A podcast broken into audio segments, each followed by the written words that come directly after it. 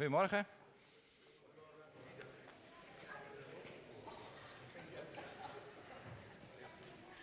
Het is een hele spannende film, dus als je naar de film wil, dan mag je nog.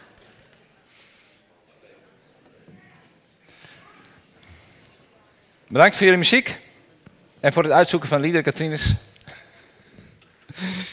Ik heb een vraag aan jullie. Ik probeer wat indruk te krijgen van deze groep die hier voor me zit. En ehm, zijn hier, en volgens mij zijn die bij ons in de gemeente heel erg vertegenwoordigd, maar vallen ze niet heel erg op.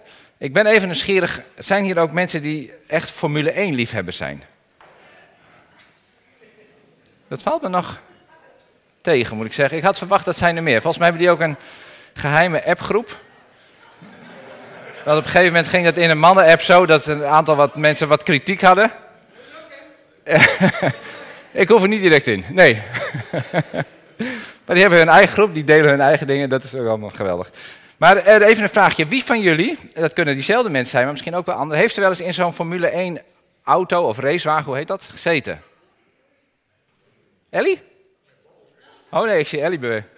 Niemand? Nou, het zou kunnen zijn dat je er wel eens ingezeten hebt. Volgens mij lijkt het een geweldige ervaring om daarin te zitten en dan over die racebaan te skeuren. Uh, maar dat is misschien slechts voorbehouden aan weinigen. Dan even iets anders, om even wat, wat simpeler. Wie heeft er wel eens in een auto gereden, de achterstuur en de... Even de handen omhoog, dat zijn een heleboel. Oh ja. ja. En hou je handen even omhoog. Wie van deze mensen heeft dat ook wel eens gedaan toen hij nog geen rijbewijs had? Heel eerlijk. Oh, dat zijn er best wel. Maar ik ben wel nieuwsgierig die de handen naar beneden deden, hoe die hun rijbewijs hebben gehaald. Maar daar moeten we het dan straks misschien nog maar even over hebben. Volgens mij heeft iedereen wel eens achter het stuur gereden zonder rijbewijs. Ja, oké. Het is wel mooi hè, als je achter het stuur zit. Maar zo nog even, wie, wie, wie rijdt er hier vrachtauto? Wie kan heeft vrachtwagenrijbewijs? Johannes? Oh, jij ook? Ja, nog meer. Wie heeft er wel eens in een vliegtuig gezeten? Dat zijn er waarschijnlijk al een heleboel mensen. En wie, dan komt mijn vraag, wie heeft er wel eens een vliegtuig bestuurd? Ja? Ja? Oh, twee, wat leuk. Ja. Nou, een mooie ervaring, omdat om, om, uh, wij gaan het over bestuurders hebben natuurlijk, en dan achter het stuur zitten. En zo kun je ook teams besturen. Wie heeft wel eens een team bestuurd? Een teamleider geweest? En dan stuur je een team aan. Ja, zo kun je een gemeenteraad leiden, zo kun je een land ook leiden, kun je een parlement leiden, zo ben je bestuurder van organisaties. Nou, daar gaan we het vanochtend met elkaar over hebben, over besturen. En dan gaan we drie vragen met elkaar beantwoorden. De eerste vraag is, wie bestuurt deze wereld? En de andere vraag is van, hoe bestuur jij je leven? En de derde vraag, en dan gaat het over, wie bestuurt eigenlijk de kerk? Besturen. Wat is besturen? En als je bij de opening hebt gehoord naar Wilma, dan heb je al een beetje een goed beeld gekregen, denk ik, wat een bestuurder doet. Jozef is een heel mooi voorbeeld van een hele goede bestuurder. Dat is iemand die een leider is, die een organisator is, een directeur of een baas. Nou hoeft hij niet goed te besturen, maar hij is dan wel een bestuurder. Dat is iemand die zijn verantwoordelijkheid heeft en neemt en dat ook serieus neemt en daarmee aan de slag gaat. En je zag dat bij Jozef ook, die lange termijn eh, beslissingen kan nemen, die langer vooruit kan kijken, die visie heeft, die strategie kan maken, maar die vooral ook keuzes moet maken. Goed moet luisteren naar mensen om me heen om vervolgens bepaalde keuzes te maken. Dus iemand die het stuur in handen heeft van een organisatie, die het stuur in handen heeft eh, van een kerk, die het stuur in handen heeft van een team, dat zijn bestuurders. En Wilma zei het ook even, dat past in, het, eh, in de serie waar we mee bezig zijn, over ontdek je door God gegeven gaven.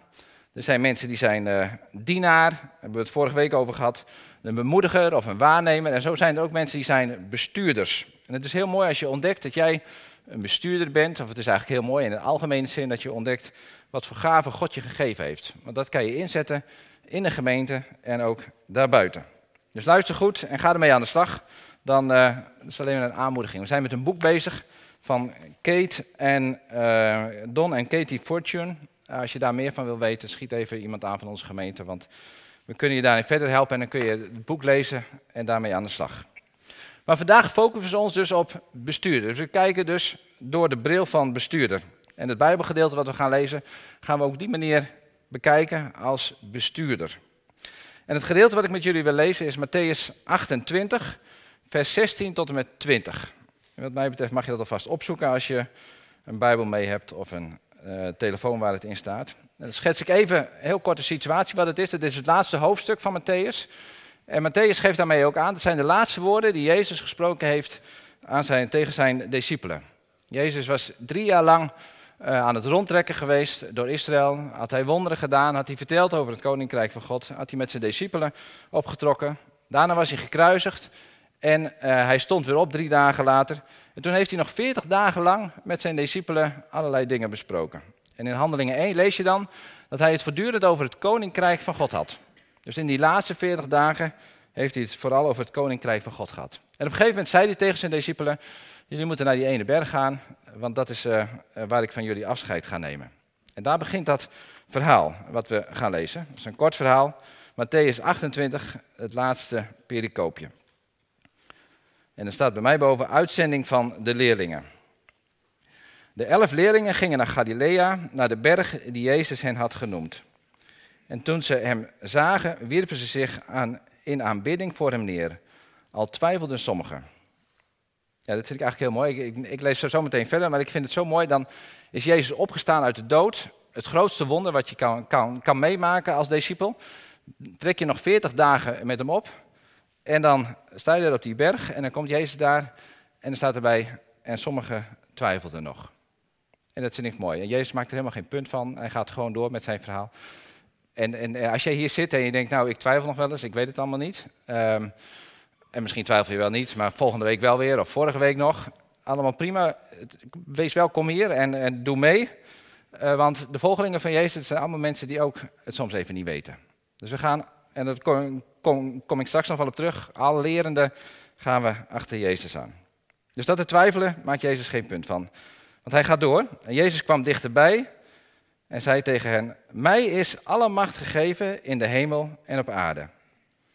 Ga dus op weg en maak alle volken tot mijn leerlingen. Door hen te dopen in de naam van de Vader en de Zoon en de Heilige Geest. En hun te leren wat ze zich, dat ze zich moeten houden aan alles wat ik jullie opgedragen heb. En hou dit voor ogen. Ik ben met jullie. Alle dagen tot aan de voltooiing van deze wereld.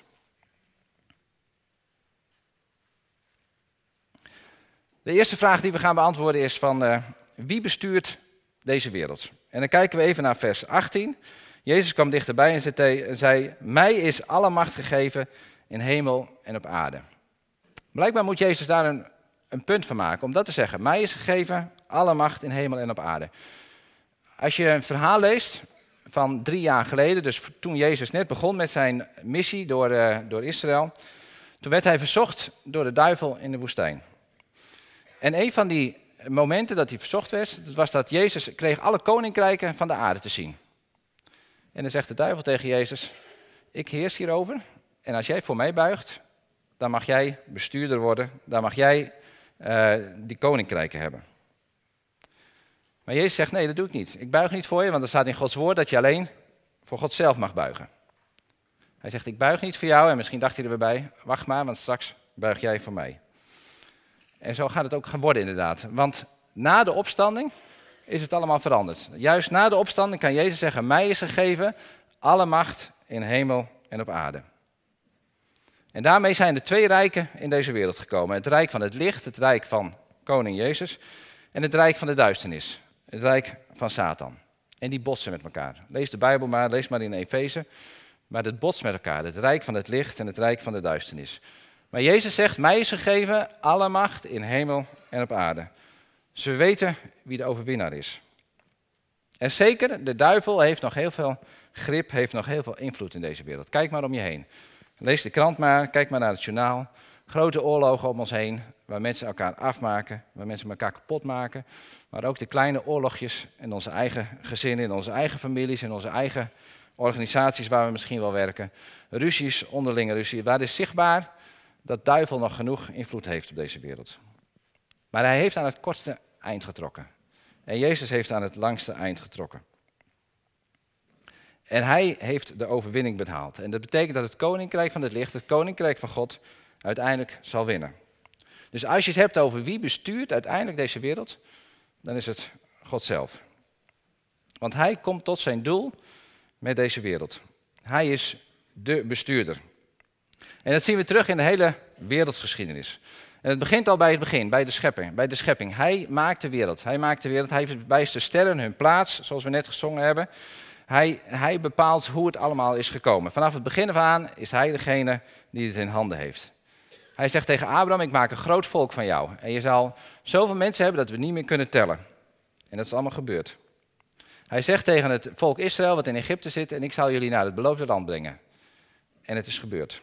En hij heeft gezegd, er komt een verlosser en die zal jullie verlossen van het koninkrijk van de duisternis en zal je brengen in het koninkrijk van het licht.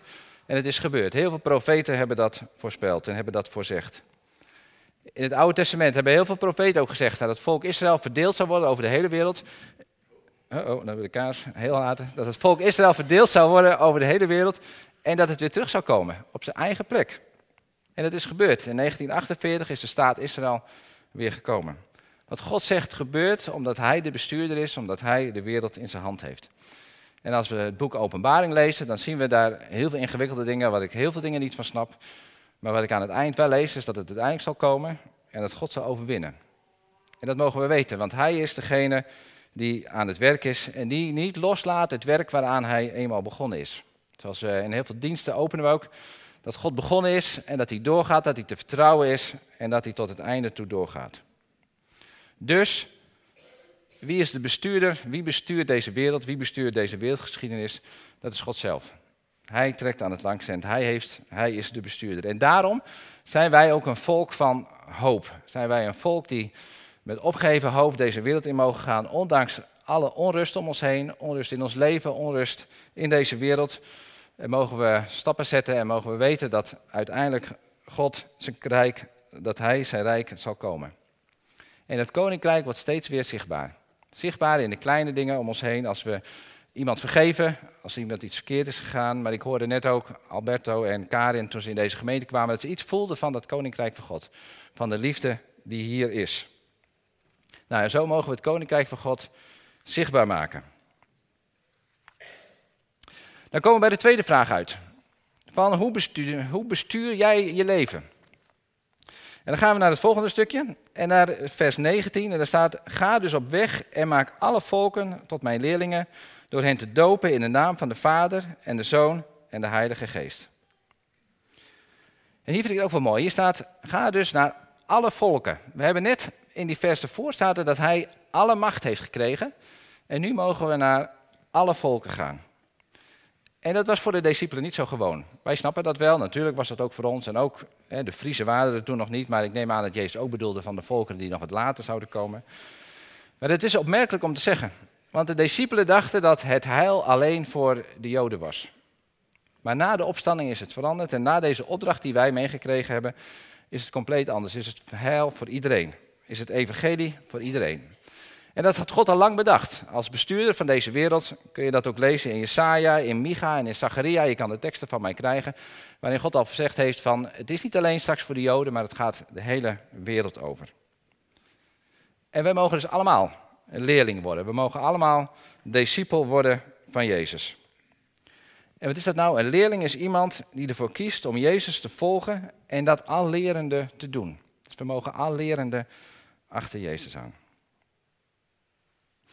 En ik geloof, en volgens mij staat het in de Bijbel, dat we allemaal onze eigen wil gekregen hebben. We hebben zelf, je zou zo kunnen zeggen, we zijn allemaal bestuurders van ons eigen leven. En natuurlijk is het wat anders als je vier of vijf bent dan dat je volwassen bent. Maar jij kiest zelf welke kleren je koopt. Je kiest zelf vanochtend welke kleren je aantrekt. Wat je op je ontbijt doet. Eh, je mag je eigen leven sturen. Als het ware fiets je op je fietsje zo door deze wereld heen en, door je eigen leven heen. En mag jij kiezen of je linksaf gaat of je rechtsaf gaat. Jij bent bestuurder, dus dat betekent ook dat je daarmee een stuk eigen verantwoordelijkheid hebt gekregen. Om je eigen keuzes te maken. En die verantwoordelijkheid, die moet je heel serieus nemen. En ik moest daarbij in de voorbereiding denken aan het verhaal van Brené Brown. En die heeft het over een arena. En een arena, dat is zo'n, vroeger was dat van zo'n zo'n toeschouwers. En, er waren dan aan, en in het midden was dan, waren dan van, van de spelen plaats, of hele dodelijke gevechten zelfs ook. En die mensen in de arena, dat waren de toeschouwers en die juichten daartoe of die keken daarnaar. En de mensen in de arena, die deden het werkelijke dingen. Die namen hun verantwoordelijkheid, zou je kunnen zeggen. En Brené Brown noemt daar een voorbeeld van uh, Theodore Roosevelt, een Amerikaanse generaal. En die, die schrijft daar het volgende over, en dat lees ik even voor. Het is niet de criticus die ertoe doet, die ertoe doet, Niet degene die ons erop wijst waarom, sterke, waarom de sterke man struikelt, of wat de man van de daad beter had kunnen doen. De eer komt toe aan de man die daadwerkelijk in de arena staat, wiens gezicht besmeurd is met stof, zweet en bloed, die zich kranig weert, die fouten maakt, die keer op keer tekort schiet, die als het meezit uiteindelijk de triomf van een grootste prestatie kent, en als het tegenzit en hij faalt, in elk geval faalt, terwijl hij de grote moed heeft getoond. Aldus Theodor Roosevelt. Dus dat hij de moed heeft getoond om zijn verantwoordelijkheid op te pakken en de bestuurder te zijn van dagene waar, waar hij over is gesteld. En dat ligt bij ons ook de uitdaging, om de bestuurder te zijn van je eigen leven en je eigen keuzes daarin te maken. Want het tegenovergestelde, en die mensen kom je ook heel veel tegen, en die denken ook dat ze heel vaak in de situatie zitten, dat zijn de slachtoffers. Hen overkomt het allemaal. Die laten hun leven allemaal bepalen door alles wat er om hen heen gebeurt. En zeggen, ja, daar kan ik toch niks aan doen. Er is niemand die mij, mij aanwees. Dus er is niemand die mij dit gaf. Dus ja, ja nou, daar, dan is het ook zo. Ja. er is niemand die mij vertelt uh, hoe dit allemaal moet. Dus ja, ja, dus ze zijn slachtoffer van. We komen er op heel veel verschillende dingen tegen. Misschien dat je wel uh, hier in de kerk zit en dat je dat denkt, ja, ik zit nou eenmaal altijd in de kerk. Ja, ja. Het is wel tijd om, om, om verantwoordelijkheid te nemen over je eigen leven en bestuurder te worden van je eigen leven. En dat mogen we doen. Want God heeft ons eigen wil gegeven. De vraag is echter, door wie laat jij je beïnvloeden als bestuurder van je eigen leven? Door wie laat jij je leiden?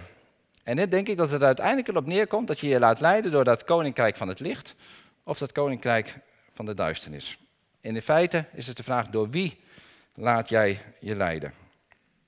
En Cedric, die laat zich zo meteen uh, dopen en die gaat er zo meteen zelf ook iets van vertellen. Maar als je je laat dopen, dan laat je daarmee een heel duidelijk zien van ik neem mijn verantwoordelijkheid op in het geloof en ik ga ervoor. Ik ga ervoor om dat koninkrijk van die duisternis steeds meer achter mij te laten en steeds meer te gaan voor dat koninkrijk van het licht. Ik wil Jezus volgen, met vallen en opstaan, maar ik wil achter hem aangaan. Die keuze, die maak ik. En daarin ben ik bestuurder van mijn leven. En gelukkig zit er heel veel genade in dat. Want we mogen leerling worden van Jezus. We hoeven het niet gelijk allemaal goed te doen. We gaan met vallen en opstaan, lopen we achter Jezus aan. Je zou kunnen zeggen, we zitten al achter het stuur zonder dat we het rijbewijs hebben. Maar gelukkig zit Jezus naast ons en helpt hij ons. En al twijfelen we, zoals die discipelen twijfelden, waar ik het net al eerder over had, we mogen met Jezus op pad gaan. Met onze twijfels, met ons vallen en opstaan. En hij zit naast ons en af en toe trapt hij eens even flink op de rem in ons leven. En dan zeggen we shit. En dan zeggen, wat zei je? Uh, nou, sorry dan. Dus dan, alle dingen als maar hij is naast ons en we mogen gaan en we mogen verantwoordelijkheid nemen. Dus het mag misgaan. Het mag misgaan hier in de kerk met ons geloof. Het mag misgaan met de dingetjes waar we mee bezig zijn. Als het even allemaal niet wil, dat is prima. Het mag misgaan als je hier op het podium staat muziek te maken. Het mag een beetje misgaan als je hier staat te spreken. Als hier sprekers zijn, dan kan daar een heel kritisch publiek voor je komen te zitten. Of dat zou je kunnen denken, nee, het mag misgaan. Het mag hier en daar wat misgaan en dan, dan heb ik dan vaak genoeg gezegd, dat gaat ook weer mis. Maar je mag falen in deze gemeente omdat je leerling bent. En zo mag je verantwoordelijkheid nemen waarvoor God jou stelt. Even iets anders over deze tekst. Ik vind dit ook wel een beetje een span, spanningsvolle tekst, moet ik zeggen. Want Jezus zegt, ga op, hij geeft echt gebiedende wijze aan, je moet discipelen maken. Dus je zou bijna overal naartoe gaan en een geweer meenemen en nu moet je discipel worden, dat je het erin moet rammen. Er zit een beetje een spanning in en tegelijk geeft God ons ook de wil om zelf te kiezen. Dus er zit die ene spanning in de druk erop dat het eigenlijk zou moeten en aan de andere kant zit daar ook de keuze in om het zelf te doen. Ik denk dat veel veel ouders, misschien ook wel hele enthousiaste mensen van hun geloof dat herkennen. Ze willen zo graag dat anderen dat evangelie leren kennen, de liefde van God leren kennen, het vertrouwen van God leren kennen, het leven met Hem leren kennen, dat je bijna gaat pushen dat die ander dat ook wel zou moeten doen. En tegelijk zit daar die spanning dat de ander, nee, de ander mag zelf kiezen. We hebben onze eigen keuze te maken. Dus hoe bestuur, je, hoe bestuur jij je leven? Dus dat je je eigen keuzes maakt en dat jij bepaalt door wie jij je laat beïnvloeden. Is dat het koninkrijk van het licht of is dat het koninkrijk van de duisternis? En dan komen we bij de derde vraag. En dan gaat het over het besturen van de kerk. En dan komen we bij het volgende vers uit, of het is eigenlijk vers 20 is dat. Want dan zegt Jezus, en leer hen te onderhouden alles wat ik jullie opgedragen heb. En Jezus heeft ons heel veel opgedragen. Hij heeft ons heel veel verteld. Drie jaar lang, de Bijbel staat er vol van, van God opdracht aan ons. En dat is wat we hier als gemeente met elkaar doen. We proberen te leren, te onderhouden, alles wat God ons verteld heeft. Alles wat Hij ons opgedragen heeft. En dat zijn we met een hele grote groep mensen. En dan zijn er een aantal mensen van ons die hebben de gave van het bestuur gekregen om dat proces te coachen en dat proces ons daar doorheen te leiden. Want dat zijn die bestuurders die de gave hebben van besturen. En dat is natuurlijk niet alleen de bestuurders die hier in de kerk zitten. Je bent ook een bestuurder van een organisatie, je kan een bestuurder zijn van een school, van een bedrijf. Mensen met speciale capaciteiten. we zien het ook in de politiek, mensen die bestuurder zijn, we kunnen er allerlei voorbeelden van noemen. Zo dacht ik, zou ik daar nog een, een uh, want ik zei, als je persoonlijk bestuurder bent, dan is het een beetje als een fiets. Hè, dat je, maar hoe zou dat dan, wat voor plaatje had ik daar nou bij toen ik dacht, wat voor beeld moet ik daarbij bedenken als je nou met zo'n grote groep hebt? Dan denk ik, eigenlijk is het een soort, een groot schip, hè, met heel veel mensen aan boord. En er zijn er een aantal mensen die zijn bestuurder en die zitten in de stuurhut. En die hebben het overzicht en die luisteren heel goed naar wat er allemaal aan boord gebeurt. Maar die hebben wel de grote verantwoordelijkheid dat het met het grote schip, dat je een koers bepaalt, dat je met elkaar, dat, dat het spul allemaal klopt, dat als er stormen komen, dat het ook nog allemaal blijft werken, dat je op koers blijft. Nou, we zijn heel blij dat er een groep mensen bij ons in de kerk is die die gaven van bestuur hebben en die dat voor een aantal jaren in ieder geval ook willen oppakken. Dat zijn Antje, Maria, Erwin en Matanja. En als je zegt, met hen wil ik wel eens doorpraten, van hoe is het nou, dan moet je dat bij de koffie zeker gaan doen. Maar de mensen in die boot, die moeten zeker niet denken van zij redden het maar. Wij moeten deze mensen koesteren, want die denken, of die, die zijn bezig met het sturen van onze gemeente. Dus we moeten voor ze bidden. We moeten af en toe eens een kaartje sturen misschien en hen aanmoedigen. Uh, en ook genadig zijn naar mensen die in het bestuur zitten. En tegelijk niet achteroverleunen, maar ook met hen meedenken. Want er zijn natuurlijk ook bestuurders die veel te veel verantwoordelijkheid krijgen en er daardoor mis zou kunnen gaan. Ik zeg helemaal niet dat het hier zo is en dat is denk ik ook helemaal niet zo. Maar we moeten met hen meedenken. En ook, natuurlijk mag je in zekere zin kritisch zijn, maar we mogen hen ook juist in een goede zin van het woord aanmoedigen. De bestuurders van onze gemeente. En dacht nog even over dat schip na. En toen dacht wat voor soort schip moet dat nou zijn? Wat voor schip zouden we nou zijn met elkaar? Zouden we nou een soort cruise-schip zijn, waarin je naar de bioscoop kan. En je kan naar de Formule 1 kijken. En je kan lekker lunchen en eten. En je kan heerlijk slapen. Zijn we zo'n soort boot met elkaar? Of zijn we een soort fregat van een marine? Met kanonnen erop. En dat we de grote vijandelijke wereld om ons heen. de geestelijke strijd gaan voeren. En we knallen erop los. Of zijn we een soort um, mercy ship? Ken je dat ook? Waarin uh, een ziekenhuisschip is die ergens afmeert. En waar allerlei mensen weer aan boord mogen komen om een stuk genezing te krijgen. Nou, denk daar eens over na. Wat voor soort schip denk je dat we als gemeente zijn? Maar we zijn blij met de bestuurders die er zijn. Die dat schip gaan aansturen. En dan komen we bij het laatste stukje uit. En uh, dat vond ik ook wel leuk, want toen ik daarover nadacht, en het duurde eventjes, toen dacht ik, dit is ook wel heel bijzonder. Want er staat, en onthoud dit voor ogen, ik ben met jullie alle dagen tot aan de voltooiing van deze wereld. Ik denk, als ik dat zeg, en ik ben jullie met de koffie en ik loop nu het huis, eh, de kerk uit. Dan zeg je, ja, mooi jongen is dat. Ik ben bij je, maar dan loopt hij weg.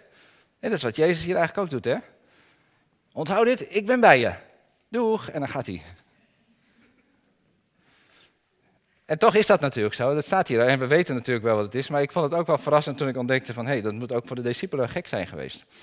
Dat Jezus ineens weggaat, ik ben bij je. En natuurlijk is, want dat zegt Jezus tegen hen. Ga naar Jeruzalem en blijf daar totdat de Heilige Geest komt. En het is Gods Geest die bij ons is en die ons helpt bij al die verantwoordelijkheden die we hebben. Als bestuurder voor een team, als bestuurder van deze kerk, of ook als bestuurder voor je eigen leven. De keuzes die jij gaat maken. God is bij je, Hij is bij je met door zijn geest en Hij wil ons leiden. En de vraag is aan jou en mij, willen wij ons laten leiden door Gods geest? Zullen we met elkaar bidden? Vader in de hemel willen u bedanken. Dank dat we hier kerk mogen zijn. Dank u wel dat er bestuurders zijn die ons voorgaan, die nadenken over uh, lange termijn, over praktische dingen, over organisatorische dingen. Heer, alleen al dat deze dienst op deze manier zo geregeld is, zien we dat al zoveel mensen bij betrokken zijn. Dank u wel daarvoor. Dank u dat u uw gemeente voorziet met gaven van dienaar, van gever, van waarnemer. En dat we zo in die plek mogen staan om uh, ja, de, de gemeente te dienen. Heer, we willen u danken dat u de bestuurder bent van deze wereld. Heer, want als we zo door de week de krant lezen, het nieuws horen, het nieuws lezen op onze telefoon, dan denken we soms dat het heel anders zit. Heer, maar we mogen weten dat u tot uw doel komt met deze wereld. En dat u tot uw doel komt met ons. Dank u wel daarvoor. Heer, en zo uh, wil ik u bidden. En wil ik u ruimte geven om ook uh, steeds meer te besturen in deze gemeente. Te besturen in mijn leven, in onze levens. Zodat uw koninkrijk ook steeds meer zichtbaar gaat worden. Dat bid ik in Jezus' naam.